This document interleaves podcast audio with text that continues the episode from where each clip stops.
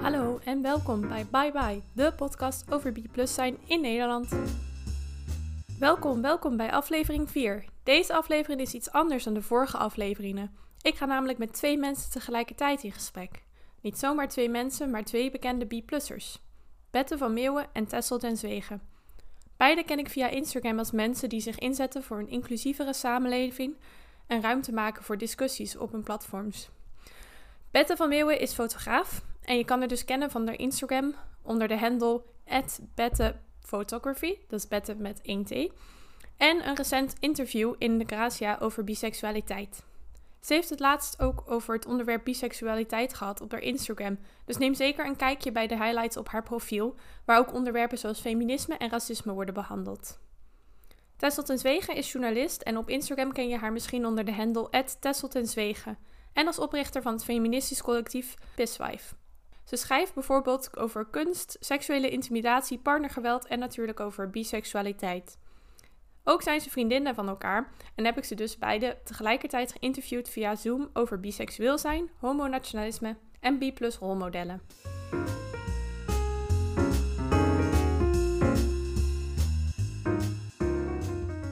Hallo en uh, welkom op de podcast uh, Tessel en Bette. En uh, ja, ik wilde eigenlijk vragen aan jullie of jullie eerst zouden kunnen introduceren aan de luisteraars. Uh, nou, Bette, begin jij maar. Oké. Uh, nou, hallo. Ik ben Bette. Ik ben 26 jaar. Ik woon in Amsterdam. En ik ben sinds zes jaar fulltime fotografe. En sinds ongeveer twee jaar spreek ik me meer uit over alle ismes. En voornamelijk racisme en feminisme. Maar ik probeer ook meer te vertellen over validisme. Uh, eigenlijk alles wat mij aan het hart gaat. Dat bespreek ik op mijn Instagram. Ja, ja, mooi. En zo heb ik je eigenlijk ook een beetje gevonden. ja. ja. Ja, superleuk. En ik ben, nou ja, ik ben dus al 13 jaar uit de kast. Wauw. als biseksueel. Ja, echt super lang. Op mijn dertiende kwam ik uit de kast. Dus uh, dat is, wel echt een lange tijd. Ja, dat is wel echt lang geleden. Van, van, wat, was de, was de aanleiding? Wist je het al gewoon zo vroeg? Of uh, was er nog iets specifieks? Uh, ja, maar misschien moet uh, Tessel eerst even zich voorstellen. Dan ja, nee, vertel ik daarna wel meer. nou, nee, dit is mijn eerste gesprek met uh, twee personen. Inderdaad, en Tessel is er ook. Tessel, zou jij je kunnen voorstellen ook aan de luisteraars? Natuurlijk. Ehm, ik ben Tessel ten Zwegen. Ik woon ook in Amsterdam met drie huisgenoten. En in een huis met niet fantastische wifi. Dus ik hoop dat, dat het allemaal uh, schangetje gaat vandaag. Um, ik ben uh, uh, journalist, schrijfster en ik studeer Gender Studies aan de Universiteit Utrecht. En ik ben um, nou vier jaar of zo uit de kast, nog niet zo heel lang eigenlijk. Um, toen ik begon met studeren, toen...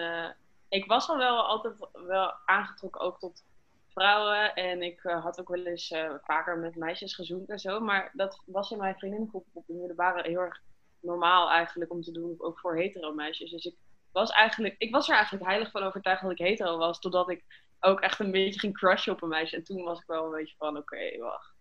Wait a minute. Something is up here. En dat was mijn biseksualiteit. Dus jullie voelen eigenlijk allebei comfortabel met het, met het label B. Hebben jullie ooit over andere labels gedacht? Of? Nee, ik voel me heel comfortabel met het label B eigenlijk. En uh, ik heb ook wel eens.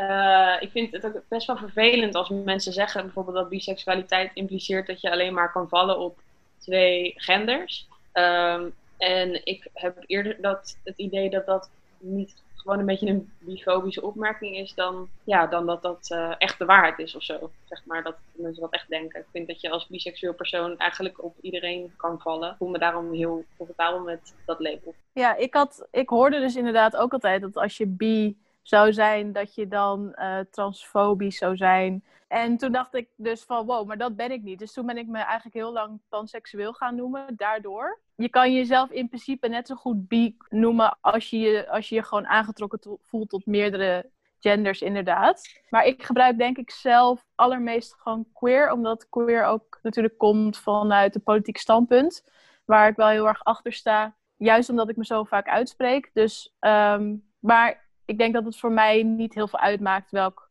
label ik op mezelf plak, zolang het maar inderdaad inclusief is op meerdere genders. ja, nee, dat is dus heel belangrijk voor, voor jullie beiden. En je zegt nu queer als een politiek standpunt. Hoe, hoe bedoel je? Wat bedoel je daar precies mee? Oh, nou, dat uh, queer zijn, dat dat eerst niet zoveel met seksualiteit te maken had, vroeger. En dat dat meer een soort van rebe rebellie was tegen ja, het patriarchaat of... Uh, wow, ik sprak dat niet goed uit. Help me even. Patriarchaat? Ja, patriarchaat, oh. dank je. En um, ja, daar sta ik eigenlijk wel heel erg achter. Want ik hou sowieso niet... Ik vind het heel fijn dat ik mijn zijn, dat dat eigenlijk buiten de norm valt. Omdat ik mezelf nooit binnen de norm al heb gevoeld, ook vanwege mijn huidskleur. Dus daarom vind ik queer eigenlijk persoonlijk beter bij mij passen. Dus toch ook een politieke term, omdat het juist echt populair werd, omdat het zo'n reclaimen is, zeg maar. Het was, volgens mij werd het voornamelijk gebruikt als een scheldwoord vroeger. En ja, precies. Niet gekomen van, uh, nou ja, mensen die uh, inderdaad deviant zijn dan wat betreft seksualiteit of gender.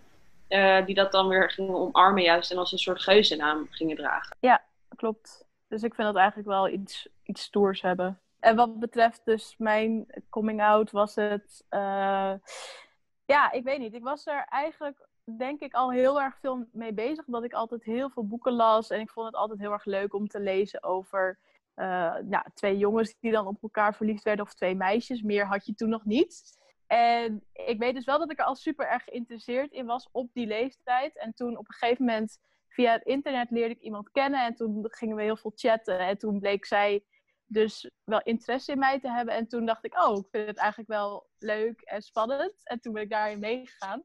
En toen werd ik verliefd op haar. Dat was toen, uh, werd mijn eerste zoen en eerste verliefdheid en alles. Dus dat was, ja, was eigenlijk een heel fijn, uh, ja, was heel fijn hoe dat allemaal liep. En daardoor ben ik dus ook bij mijn ouders uit de kast gekomen. En hoe reageerde zij? Ja, heel goed. Ik was vroeger meer een tomboy. Ik speelde altijd met jongens, voetballen, uh, bomen klimmen en alles. Dus ze hadden het een beetje verwacht, zeiden ze. Alleen ze moesten nog wel een beetje wennen aan het bi zijn. Omdat ze dus... Ja, het is toch anders dan wanneer je lesbisch bent. Of hetero. Want je weet dan eigenlijk nooit waar ik mee zou thuis zou kunnen komen. Dus vooral mijn moeder had, moest daar gewoon even een beetje aan wennen. Maar het was niet vervelend. Dus het was eigenlijk meteen heel accepterend. Ja, dat was echt top. En, heb ja. je een soort gelijke ervaring, Tessel? Of, uh... um, ik ben nooit echt uit de kast gekomen bij mijn ouders, denk ik. Van, hé, hey, ik moet je vertellen of zo. Ik denk wel, ik heb er uh, een keer volgens mij wat over geschreven of zo. Of over gepraat in een podcast. En toen kreeg ik een appje van mijn moeder van... Uh, hey, ik hoor trouwens dat je wie bent. En toen heb ik er daarna wel een gesprek met haar over gehad. En toen zei ze van ja, dat dacht ik al wel. volgens mij was het niet echt een verrassing voor mijn ouders. Um, ik vind het, vind het denk ik spannender soms om uit de kast te komen bij gewoon leeftijdsgenoten. Want ik heb toch het idee dat ouders er wel een klein beetje misschien op voorbereid zijn. Van oh, hoe uh, reageer ik pedagogisch verantwoord op uh, mijn kind als die uit de kast komt. Maar ik heb van vrienden af en toe wel een beetje vreemde reacties gekregen. En van um, mannen voornamelijk, waar ik um, mee ging daten of zo, heb ik ook wel eens uh, questionable reacties gekregen. Of mannen die dat gelijk seksualiseren, vragen om een trio, dat soort dingen. Um, dat is wel jammer. En ik vond het ook heel lastig, want ik zat dus op een middelbare school met heel veel hetero's. en ik had toen op een gegeven moment één homo-vriend. en toen had ik al wel een soort van lichte hunch van dat dat was wat ons aan het binden was, zeg maar. Maar ik was toen dus nog totaal niet uit de kast. En toen uh, ik uiteindelijk wel de moed had verzameld om dan bij hem uit de kast te komen als biseksueel, toen zei hij dat hij van niet dacht, omdat hij niet echt geloofde dat biseksualiteit bestond. Dus ik ah. heb hele vreemde reacties gekregen, maar niet van mijn ouders gelukkig. Die waren heel erg lief en uh, supportive. Maar heb je dat dan nu nog steeds, tot de dag van vandaag, dat je nieuwe mensen ontmoet, nieuwe vriendschappen sluit en dat je dan nog steeds een beetje zo voelt van, oh, wanneer ga ik het zeggen of hoe ga ik het zeggen? Of vind het wel spannend? ja, nou, het, het ligt er een beetje aan in wat voor kring ik ben. Want ik weet niet, ik heb het idee dat heel veel mensen, LGBT-mensen zeg maar, dat die wel een beetje aanvoelen of zo, of je in een milieu bent wat dat uh, accepteert en hoe Mhm. mensen daar tegenover staan. Ik heb ook het idee dat ik onbewust ook gewoon heel erg LGBT-vrienden aantrek. En heel erg me in kringen bevind waar die, waar die mensen veel zijn, zeg maar. Uh, maar elke keer als ik in een ruimte ben of in een groep mensen waarvan ik denk dat ze overwegend hetero zijn, zeg maar, dan denk ik daar wel wat meer over na. Van, uh, moet ik dit dan gaan disclosen op een gegeven moment? En uh, ik weet nog dat ik naar, ging een half jaar naar San Francisco om daar te studeren. En Oh, cool. toen uh, ging ik met allemaal nieuwe mensen wonen. Um, waaronder drie meisjes die, um, voor zover ik wist, hetero waren en uh, zo ogen, zeg maar. En dan ben je wel opeens van, ja, ik ga ervan uit dat ze daar fijn mee zijn. Maar ja, stel ze vinden dat toch ongemakkelijk of zo. Wij moeten een half jaar samen gaan wonen, weet je wel. Dus toen was ik daar wel een beetje nerveus over. Maar dat is gelukkig helemaal goed gegaan. Dat is wel echt fijn om te horen, inderdaad, dat het gewoon niet een uh, probleem of zo is geworden. Ik, uh, ik wilde eigenlijk ook vragen van, van, zijn jullie elkaar zo, hebben jullie elkaar ook zo ontmoet in dezelfde, dezelfde queer kringen? Of op een andere manier? Want jullie zeiden, oh, we zijn vriendinnen van elkaar. Weet ik eigenlijk even niet meer. Maar ik wilde nog even één uh, oh. ding toevoegen aan wat ik net zei. Ja. Uh, omdat ik zei van, uh, dat ik vroeger een beetje een tomboy was. Maar ja, dat zegt natuurlijk helemaal niks over je geaardheid. Dus ik wilde dan nog wel even bijsluiten dat, ja, ja want ik ben nu, zien mensen mij vaak als heel vrouwelijk. En ik ben nog steeds bi. Dus ja, mm-hmm. hoe je eruit ziet heeft natuurlijk niks te maken met je geaardheid. Dat wilde ik nog even toevoegen. Nee, maar dat is, dat is ook heel belangrijk om dat te zeggen. Dat de manier waarop jij je uitdrukt, dat dat niks met je seksualiteit te maken heeft, inderdaad. En ik denk, uh, ik denk dat er veel B-plus vrouwen zijn die waarschijnlijk ook soms zich onzichtbaar voelen omdat ze er te hetero uitzien. Ik heb zelf ook ja, zeker. Heel lang haar gehad. En pas sinds ik het zo kort heb, zeg maar, uh, is het eigenlijk een beetje duidelijk van, oh ja, misschien is ze niet hetero, zeg maar. ja, inderdaad. Ja. Maar ja, Tessel. Wij hebben daar vaak over. Uh, dat is misschien ook wel een beetje hoe wij vrienden zijn geworden, Bette. Dat, dat uh, we op uh, Instagram verhitte discussies hadden over biseksualiteit en zeg maar de biseksuele aesthetic. ja, inderdaad. We hebben, we hebben hele discussies gevoerd hierover. Van, van, want natuurlijk kan je niet zeg maar, aan iemand zien wat zijn geaardheid is per se. LGBTQ is niet alleen je seksualiteit, maar eigenlijk ook een heel groot deel daarvan is cultuur. Voor mij, het liefst, heb ik wel het idee dat ik wat ik al zei, ik, ik, trek volgens mij heel erg LGBTQ plus vrienden aan. Er zijn natuurlijk heel veel dingen, uh, hobby's en, en uh, kledingstijlen en make-up dingen die, die heel erg geassocieerd worden met um, LGBTQ plus. En ik heb dat ook wel eens hoor, als struggle, dat ik gewoon als biseksuele vrouw soms wel graag eruit wil zien als een biseksuele vrouw. En dat mensen mij zodanig herkennen. En ik heb zelfs een tijdje gehad dat ik naar uh, lesbiennenfeesten ging. En dat uh, mensen dan tegen me zeiden dat ik er te hetero uitzag of teleurgesteld waren, zeg maar, als ik ook op mannen viel. Um, of mij überhaupt niet herkende als, als zijnde gay. En toen uh, heb ik een tijdje een uh, septum piercing gehad om, om gewoon herkenbaar te zijn als, als, als, als biseksuele vrouw. Hier heb ik het heel vaak over met Beth. Elke keer als wij ja. een, een gay iemand zien met een septum piercing, dan sturen we dat naar elkaar door op Instagram. Ja, want ja, het, het kan ook gewoon heel moeilijk zijn om als ja, vrouw of als femme, zeg maar, door het leven te gaan. En dan op zoek te zijn naar andere femmes of vrouwen. Want ja, want je, je kan het dus af en toe letterlijk niet zien. En want mensen zeiden, ik had dan een vraag gesteld op mijn Instagram van ja, hoe kan je eigenlijk, ja, hoe, hoe match jij met andere vrouwen? Noem ik het nu even, maar ik bedoel dus het, de inclusieve term.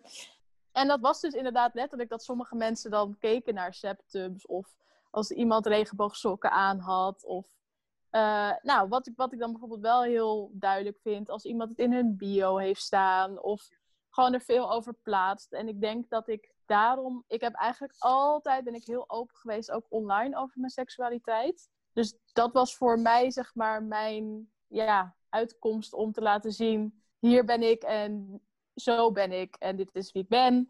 En dan heb je eigenlijk ook niet dat mensen dan daar opeens raar van opkijken, omdat, omdat het al zo duidelijk te zien is op jouw pagina. Dus dat vond ik zelf altijd wel heel fijn.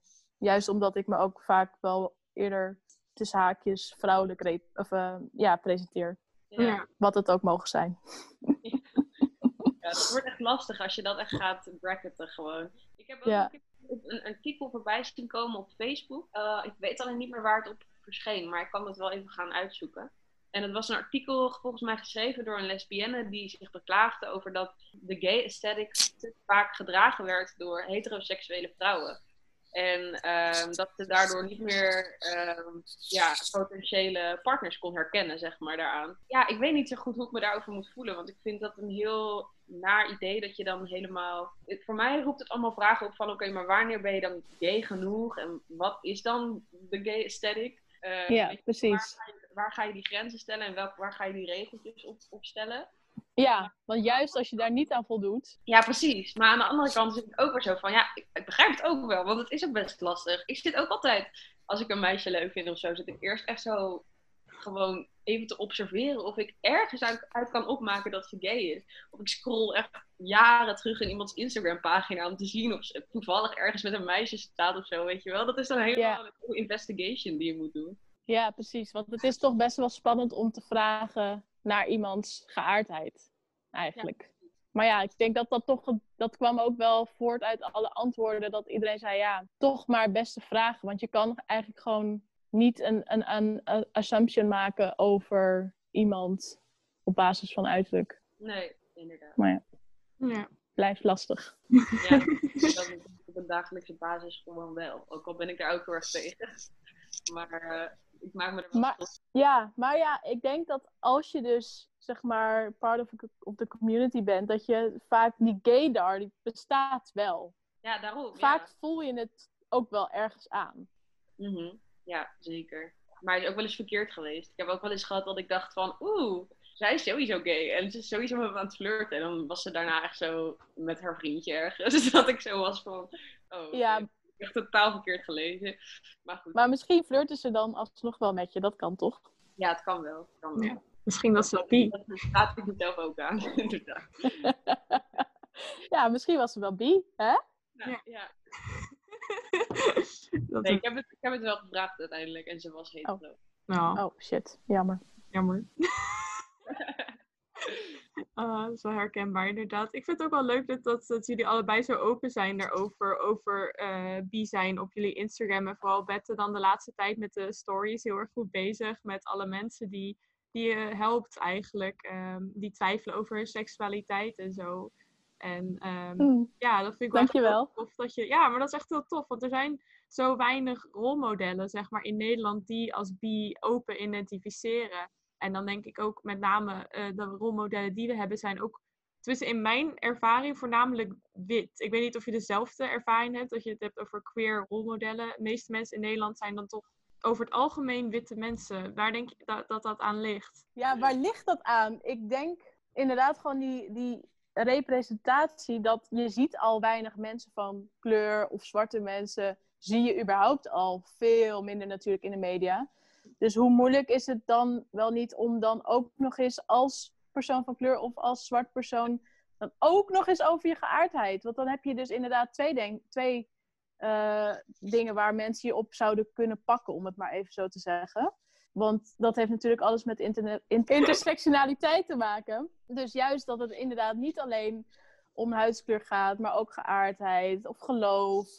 Um, ja, die kruisbestuiving eigenlijk van een persoonlijkheid, daar, dat is waar het om gaat. En als jij al niet iemand ziet die op jou lijkt qua ja, gewoon je uiterlijk, dan is het nog moeilijker om je uit te spreken over je geaardheid of seksualiteit. Maar dan is het toch juist belangrijk dat, dat, dat jij er bent. En neem aan dat toen, toen jij uit de kast kwam, dat er niet echt een, een soort gelijk rolmodel in Nederland was dan.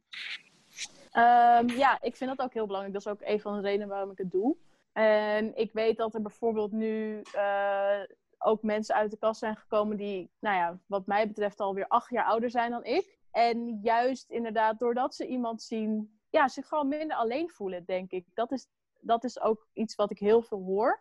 En waar ik dus heel blij om ben dat ik mensen dat gevoel kan geven. Want er, ja, er zijn gewoon zo. Ik, ik las ook laatst dat eigenlijk de biseksuele groep, dat dat eigenlijk de grootste groep is vanuit de LGBT, LGBTQIA, P uh, mensen.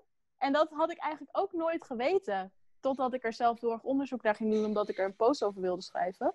Uh, dus dat verbaasde mij sowieso heel erg. En ik krijg ook inderdaad heel veel berichtjes over mensen die zeggen van ja, weet je, ik heb altijd een vriend gehad en daarom vinden mensen mij niet bi genoeg. Of uh, vind ik mezelf niet bi genoeg? Dat ze zichzelf niet echt als bi ervaren, omdat ze die, letterlijk die ervaring nog nooit hebben gehad. Terwijl als je die gevoelens hebt, ja, dan ben je het. Daar hoeft, kan niemand verder iets over zeggen. Nee. Dus ik ben heel erg blij dat, uh, dat ik dat kan doen. Ja, wat Bette zegt eigenlijk, uh, sluit ik me helemaal bij aan. Ik, als, als, sowieso natuurlijk, als je te maken hebt met racisme, dan is dat al iets waarin je sociale positie kwetsbaarder wordt, zeg maar. En dan uit de kast komen maakt de sociale positie nog kwetsbaarder. Dus dat is ook heel logisch. Uh, dat dat voor mensen van kleur, vooral mensen van kleur die heel erg in het publieke oog staan, nog veel moeilijker is dan voor witte mensen in Nederland. Ja, maar wat, wat kunnen we dan doen, zeg maar, als, als zeg maar, bijvoorbeeld ik als, als witte vrouw en, als lid van de queer community, om andere mensen, zeg maar, te supporten, zeg maar, mensen van kleur? Nou, eigenlijk wat je nu al doet, deze podcast. Dus mensen, andere mensen dan jijzelf een stem geven. Eh, ik vind eigenlijk dat je dit gewoon perfect doet. Wat denk jij, uh, Tessel? Ja, ik denk de, heel erg de dialoog aangaan met andere witte queers. Want ik, heb ook, ik ken ook heel veel, voornamelijk cis uh, queer mensen die ook best wel racistisch kunnen zijn. Of bijvoorbeeld heel islamofobisch kunnen zijn van, vanuit hun queer positie. Ik woonde een tijdje uh, met uh, een vriend van mij uh, in een wijk die dan bekend stond als een allochtone wijk, tussen aanhalingstekens. En ehm, hij beklaagde zich daar vaak over dat hij zich daar onveilig voelde. En dat dat kwam omdat er veel moslims woonden. Nou, daar heb ik echt een aantal keer met hem gesprekken over gehad. Van, joh, dat zit echt tussen je oren. En je moet even je eigen xenofobische gevoelens checken. en niet dit soort dingen zeggen. Want sowieso is het natuurlijk een fabeltje dat moslims niet zelf ook gay kunnen zijn. Of LGBTQ kunnen zijn. En daarbij, ja, I hate to break it to you, maar ik ken ook heel veel atheïstische homofoben. En ook heel veel witte christelijke homofoben. Uh, dat heeft echt totaal niks met islam te maken. En dit is gewoon uh, xenofobische retoriek die jij, die jij aan het uh, verspreiden bent, zeg maar. Dat zijn misschien ongemakkelijke gesprekken Vooral omdat binnen de LGBTQ plus uh, gemeenschap mensen ook een bepaalde soort solidariteit naar elkaar toe verwachten. Maar ja, ik vind dat ja, antiracisme weegt voor mij veel zwaarder dan solidariteit naar uh, witte homo-mannen. Ja, of vrouwen. Ik denk dat dat een hele belangrijke Of andere personen. Ja. ja nee. Maar ja, inderdaad. Echt helemaal mee eens. Ik, ik hoor dat ook heel vaak. En er zijn ook uh, onderzoeken naar gedaan dat eigenlijk, want mensen zeggen altijd ja, moslims, die, uh, dat, is, dat is de ergste groep en daarvan hebben wij als queers het meeste last. Maar dat is dus eigenlijk helemaal niet waar. Um, maar dat heeft natuurlijk ook allemaal met framing te maken, wat je in de media ziet. Ja, tuurlijk, uh, als een. Um, een rechtsmedium ziet dat een uh, homostel in elkaar is geslagen door een moslim, dan gaan ze dat plaatsen. Terwijl dat veel minder gebeurt bij witte Nederlanders. Dus ik vind dat ook heel kwalijk dat dat zo, ja, dat dat, ja. dat, dat ons zo wordt voorgeschoven eigenlijk. Ik, ik denk inderdaad wat Tessel zegt, gewoon dat gesprek zoveel mogelijk aangaan. Ja. Dat, dat, uh, dat was interessant. Dat was bij de vorige verkiezingsperiode. Toen kreeg ik op Facebook allemaal berichtjes van FVD. Die, uh, waarin volgens mij Annabel Nanninga dan, of iemand anders van FVD, ik weet niet meer helemaal, uh, ging vertellen over ehm, mensen die naar Nederland kwamen en zich niet hielden aan onze normen en waarden. Um, hele verkapte taal. Mensen die naar Nederland komen bedoelen ze dan natuurlijk immigranten. En vooral dan niet witte immigranten. En onze normen en waarden, nou, dat mag je dan zelf invullen. Wat je daarbij ho horen, zeg maar. Maar dat ging ook specifiek over anti-homo geweld. En toen was ik alsof van, hé, hoezo krijg ik een filmpje van FVD? En op Facebook heb je nu zo'n nieuwe functie dat je kan kijken waarom je, dat waarom je die video ziet, waarom je dat bericht ziet. Dus ik klik daarop en er staat dat de FVD dat video, die video had getarget op iedereen die um, engaged met posts die gaan over de LGBTQ community. Dat idee, dat sentiment dat um, moslims of uh, niet-witte immigranten inherent homofoob zijn, dat wordt niet alleen verspreid door media, maar dat wordt ook echt heel erg ingezet uh, en ook ingespeeld door politieke uh, agenten, zeg maar, politieke partijen. Dus dat is echt iets wat belangrijk is om over te praten en om je heel bewust van te zijn, want anders dan trap je daar misschien in, zeg maar. Ja, homo-nationalisme. Het is een belan- belangrijke term, zeg maar, inderdaad. Van, van, kan, Ja. kort, kan je het nog kort toelichten? Misschien een luisteraar die niet heeft gehoord van deze term, want die is best belangrijk eigenlijk. Ja, dus basically dat witte homo's, dat dat, dat, ja, dat die het belangrijkste zijn voor de samenleving. Ja, ik vind het een beetje moeilijk uit te leggen eigenlijk. Dat dat eigenlijk boven racisme dan staat.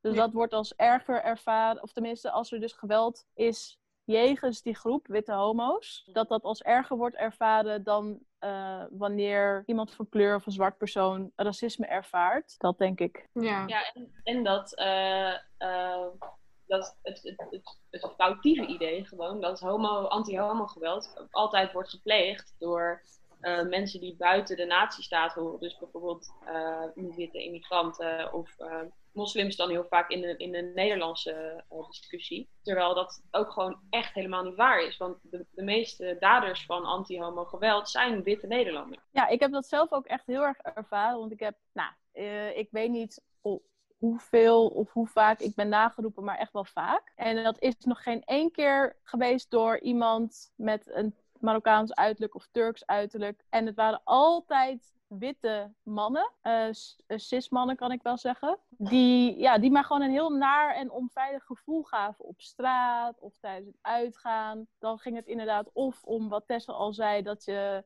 dat ze je uitnodigen voor een trio of gewoon eh, uitschelden voor, nou, weet ik veel wat. In ieder geval iets met, eh, over onze seksualiteit dan. En dat ik me gewoon echt dan onveilig voelde op straat. En ik merk dat heel erg aan het begin van mijn relatie nu, want ik heb nu een relatie met een man. Dat ik gewoon aan het begin zo erg moest wennen aan het hand in hand lopen op straat. En dat we niet nagekeken werden. Dat er niet een reactie kwam van iemand die we dan tegenkwamen op straat die we niet kenden. Omdat dit dus normaal is, een man en een vrouw. En dat vond ik zo pijnlijk om te zien en om te merken dat ik daar gewoon echt elke keer, als ik dan zijn hand pakte, gewoon echt toch nog even om mezelf te verzekeren dat het gewoon oké was, toch even om me heen keek. En daaraan heb ik gewoon heel erg gemerkt van ja, weet je, het, het zit zo erg in je om op te passen en ja, gewoon echt uit te kijken waar je je bevindt, gewoon voor je eigen veiligheid. Ja, dat, is echt, dat is echt erg dat je dat dan nog steeds hebt. Terwijl nu dan de relatie als normaal wordt gezien tussen aanhalingstekens. Heb je, eh, begrijpt je partner het ook eigenlijk? Of heb je dat aan hem Ja. leggen? Ja, nou, wij zijn echt vanaf het moment één super open over elkaar geweest. Hij is toevallig moslim. Mhm. Eh, en het was een soort van uit de kast komen naar elkaar van, nou ja, ik ben bi, nou, ik ben moslim. En toen was het eigenlijk goed. Leuke introductie. Nee, maar ja, we hebben daar eigenlijk nooit, nee, er is nooit echt eh, sprake geweest van, eh, van rare vragen, wat Tessel al zei. Of, eh, nee, totaal niet.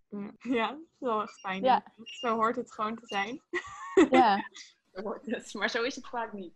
Nee. Nee, want ik hoorde dus ook bijvoorbeeld, eh, kreeg ik een berichtje van iemand die pas toen de relatie uit was. Ik weet even niet meer welke van de twee het wel was. Zeg maar uit de kast kwam bij de ex om te zeggen dat diegene bi was. Oh, echt? En omdat diegene toen met iemand van het andere geslacht dan, de- dan de ex-partner een relatie kreeg. Ja, toen dacht ik ook, Zo raar als je dat een hele relatie dan verborgen houdt of zo. Ja, aan de andere, ja, lijkt me ook heel raar inderdaad. Want het is toch een groot gedeelte van wie je bent. Ja, maar het is misschien, soms is het toch niet altijd veilig om uit de kast te komen in een, in een relatie, denk ik eigenlijk. Dat is, ja, ik denk dat het Ja. toch wel lastig is misschien voor sommige mensen. Vooral met zoiets als bi zijn, want ik denk dat, dus ik heb altijd wel het gevoel gehad, oh, ben ik dan eh, queer genoeg eigenlijk? Ik weet niet of jullie dat herkennen, zeg maar. Dat je dan denkt, oh, heb ik wel de, de queer, de queer, ik weet niet wat, essentie of zo. Ja. De Q-factor. Ja, de Ja. queer factor. Voor mij was het nooit zo'n punt, omdat ik eigenlijk voornamelijk met vrouwen altijd ging. Dus ja, ik heb me eigenlijk nooit afgevraagd of ik wel queer genoeg was, omdat je dat letterlijk aan mij of mijn relaties wel kon zien. Eh, maar ik kan me wel heel goed voorstellen eh, dat mensen dat hebben die meer met mannen daten als vrouw zijnde. Omdat ik het ook, ja, ik ga ook niet, met, niet echt met mijn vriend bijvoorbeeld naar de reguliers of zo. Dus dan mis je dat nu kan het natuurlijk sowieso niet met corona, maar ik zou hem daar minder snel mee naartoe nemen dan wanneer ik met een vrouw zou zijn. de reguliers is dan een soort van het uitgaansgebied voor queers in Amsterdam. Sorry, ik ben echt buiten Amsterdam, weet ik het. Ik Oh, weet sorry. ja, ja, inderdaad. Of gewoon, ja, ik weet niet. Ik, dat, dat zou ik dan toch eerder doen met iemand die zelf ook queer is. Dus naar andere queer activiteiten gaan. Of, ja. Nou, mis, Je dat, mis je dat dan niet? Nee, want ik heb hetzelfde als, met, als Tessel. Dat eigenlijk vrijwel iedereen in mijn directe kring, vriendenkring, is of gay of queer of iets ja, uit LGBT zien. Ja. Ehm, dus ik heb dat genoeg om me heen. Dus dat maakt voor mijn relatie verder niet zoveel uit. Ja. En, en bij jou is dat hetzelfde dan Tessel? En, en voel, voel je dan daardoor die, die, de queer factor? Of, of heb, je dat ook, uh, heb je dat ook niet gehad of zo? Dat je dacht, oh, ben ik queer genoeg? Wel, ik heb dat zeker wel gehad. Uh, en ik heb ook nog steeds, ik, misschien ben ik er ook een beetje overgevoelig voor, maar ik heb nog steeds het idee dat dat vaak terugkomt in hoe mensen op mij reageren als ik zeg dat ik biseksueel ben. Dat mensen toch een soort van ongeloof hebben of mij niet queer genoeg vinden of zo. Ik denk ook dat dat een beetje een voordeel is wat heel veel mensen hebben over biseksuele mensen. En dat ik het daarom juist zo belangrijk vind om mezelf specifiek biseksueel te noemen. Um, juist omdat ik inderdaad denk dat heel veel biseksuele mensen dat een beetje in, in stilte zijn of zo, weet je wel. Hm. Ehm, maar in relaties, uh, ja, ik weet niet zo goed. Uh, ik zou het wel heel leuk vinden, denk ik, om ook een keer met een um, biseksuele man iets te hebben. Want ik heb wel natuurlijk met puur meisjes uh, veel gedate die dan dezelfde ervaring hebben als ik. Maar bij mannen is het toch altijd iets wat ik helemaal moet uitleggen. En ook een beetje, nou ja, in een, in een aantal gevallen dan moet uitleggen van hé, hey, het is niet echt netjes om iemand om een trio te vragen als die net bij je uit de kast komt, weet je wel. Ja. Maar uh, iemand meenemen naar de reguliers, ja, ik weet niet, dat vind ik ook gewoon een leuk uitje inderdaad voor mij en mijn vrienden en vriendinnen. Dus dat is niet per se met, met een partner per se wil doen. Maar bijvoorbeeld uitgaan, ja, ik denk ook dat, ja, uitgaan zou denk ik nog wel kunnen, maar niet ik, ik denk dat ik wel makkelijk uit zou kunnen gaan met mijn huidige vriend in een queer plek. Alleen, ik heb er zelf gewoon niet zoveel behoefte aan om nog zoveel uit te gaan. Dus het, het gaat er niet zozeer om dat hij dan hetero is, maar meer dat mijn behoefte met, wat betreft uitgaan gewoon niet meer zo hoog is. Ik denk dat het daar eerder eigenlijk aan ligt, als ik er nu zo over nadenk. Ja, dus de party days are over in, in, uh, in uh, tijdens Pride 2018, toen had ik wel een relatie met En die was toen ook zo van, uh, ik was het en hem hebben van, oh ik ben zo dronken, ik heb zoveel lol, En hij was het van, oh nice, leuk, waar ben je, zou ik ook komen? En dan was ik wel echt super defensief van, nee, het is vandaag gay pride, ik ben met mijn gay vrienden en jij mag yeah. misschien een beetje hard, maar ik heb zoiets van, ja, dat is toch gewoon leuk om even dan met je, met je queer groepje dat, dat te doen. Dat, ja, je hoeft niet altijd alles overal mee te combineren. Nee, dat is ook zeker waar. Daar ben ik het ook mee eens. Dat is wel gewoon een goede relatie, denk ik, als je ook gewoon je eigen dingen hebt natuurlijk. Maar ik denk dat het ook wel fijn kan zijn voor sommige mensen om het te kunnen delen. Maar... Gewoon net waar je behoefte aan hebt, denk ik. Mm en ehm, ja, ik, ik, stel meestal uh, ook nog de vraag van, van aan jullie, heb je nog advies voor andere B-plussers? Nou, ik had nog wel een, een uh, advies ook voor mensen die hetero zijn. hey, dat is een goeie! Want uh, nou, wat ik me vandaag heel erg bedacht was dat eigenlijk als je, als je het over een groep hebt, waar hm. mensen dus weinig vanaf weten, dan gaan ze er meteen vanuit dat wanneer ze dan één iemand ontmoeten, die dus bijvoorbeeld bi is, dat die hele groep dan precies zo is. Dus dat één persoon eigenlijk, ja, een soort, uh, ja, nou ja, je zou kunnen zeggen niet een rolmodel, maar gewoon echt een soort van fictief persoon van hoe één groep zich dan zou moeten gedragen. Maar dat geldt dus ook voor uh, zwarte mensen of um, moslims. Dat wanneer je er dan één iemand kent uit die groep, dat er vanuit wordt gegaan dat iedereen hetzelfde is. Mm. En dat is gewoon iets waar we heel erg vanaf moeten. Omdat, ja, één zo'n homo, uh, ja, homogene groep is niet... Ja, ah, oh mijn god, ik kom echt niet uit mijn woorden vandaag. Maar dat heeft natuurlijk ook alles weer met representatie te maken, wat ook logisch is. Maar ja, dus dat ik eigenlijk wil zeggen, uh, duik eens in een groep waar je zelf niet super erg gerepresenteerd wordt om te, om te zien dat, dat, het gewoon, dat er gewoon net zulke verschillende mensen zich bevinden en met verschillende hobby's of smaken, stijlen, culturen. Ja. Um, ja, om dat te leren kennen in plaats van alleen maar wat je al zelf al kent. Precies. En er is ook niet één manier om bi te zijn. Dus wat jij zegt van als je één bi-persoon ontmoet, dan weet je niet wat de hele groep wil en vindt. Datzelfde geldt ook andersom. Als je, als je denkt dat je bi bent of je wil, je wil dat uh, gaan uh, exploren, zeg maar, dat er niet één goede manier is om bi te zijn en om bij de LGBTQ plus uh, community te horen of zo. dat, dat mag je helemaal zelf bepalen, behalve dat je gesprek moet hebben over homonationalisme met je de vrienden. maar verder mag je het helemaal zelf invullen voor mij. Ja, helemaal mee eens.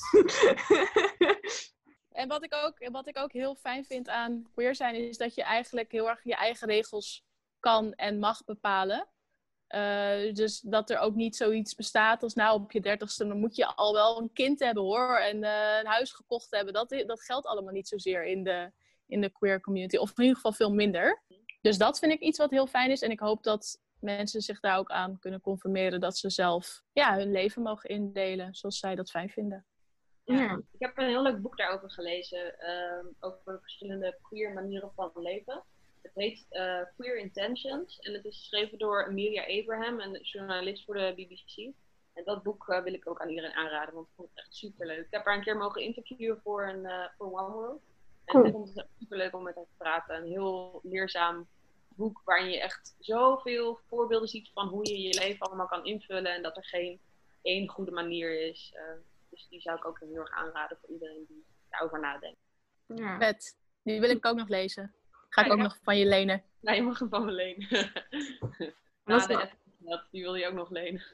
Ja. Een boek Friendships.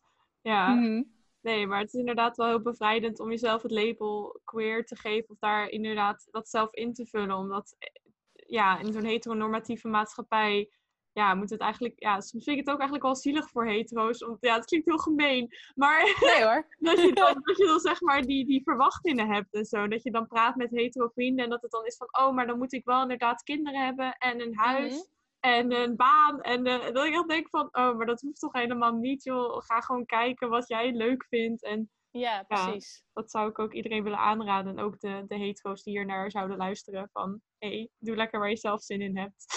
Ja. ja, ik vond het wel leuk. Advies voor de hetero's. Maar dat is inderdaad echt een heel goed iets. En ik denk dat dat niet alleen met biseksualiteit is. Ook met mensen van kleur en uh, inderdaad andere ja, gemarginaliseerde identiteiten in de maatschappij. Van, van, het is heel naar lijkt mij dat je dan de enige representatie bent. En dat je al die last op je schouders hebt. En dat mensen er dan ook van uitgaan dat jij, zeg maar, het boegbeeld bent voor die groep en zo. Dus mm -hmm. dat is wel een heel goed punt dat je opbrengt, inderdaad. nou, dankjewel. ja. En uh, dan, dan toch nog advies voor B-plussers die in de kast zitten, of die hier naar luisteren, of die jullie account hebben gevolgd en gevonden. Voor mij, het is, klinkt gewoon heel stom, maar leef echt je leven op je eigen terms. Dus gewoon, wat Tessel al zei, er is niet één goede manier om bi te zijn. Um, als jij van jezelf weet dat je bi bent, dan ben je het, klaar. En ik zou ook heel erg willen adviseren om mensen op te zoeken met wie je erover kan praten, bij wie je je veilig voelt. Uh, mij mogen mensen in ieder geval altijd een berichtje sturen als ze dat willen. En ja, creëer een uh, veilige plek voor jezelf. Ja, sluit ik me bij aan. En ook uit de kast komen hoeft ook niet, als je dat niet wil. Of als je dat onveilig, of als dat onveilig voelt. Je kan ook niet uit de kast komen. En uh, sowieso, in hoeverre je biseksualiteit ziet als een onderdeel van je identiteit, mag je ook lekker zelf bepalen. Uh, en je mag ook zeker, als je vragen hebt, inderdaad mij een berichtje sturen op Instagram. Ik praat heel graag met mensen over uh, seksualiteit en biseksualiteit. Uh, dus ja, vooral gewoon maak jezelf er niet te gek mee. Want alles is valide en alles mag. dus take it easy. Ja, nee, het zijn echt hele mooie wijze woorden inderdaad. En echt fijn dat jullie allebei aanbieden om een aanspreekpunt te zijn. En uh, ja, daar sluit ik bij mij aan. Van, uh, je hebt nu drie mensen om uit te kiezen om een berichtje te sturen als je, als je erover wilt praten. Van biseksueel WhatsApp-therapieuurtje. Ja. ja, leuk toch? Ik, ik denk dat het voor sommige mensen toch wel, toch wel fijn is om het er even uit te gooien. Al is het gewoon maar één berichtje of uh, dat iemand het leest mm -hmm. dat je erover praat. En uh, ik denk, iedereen kan het wel eens een keer gebruiken. Ja, nee, ik heb verder niks aan te voegen. heel erg bedankt voor, voor jullie tijd en openheid. En ja, super bedankt. Graag gedaan. Het was heel leuk.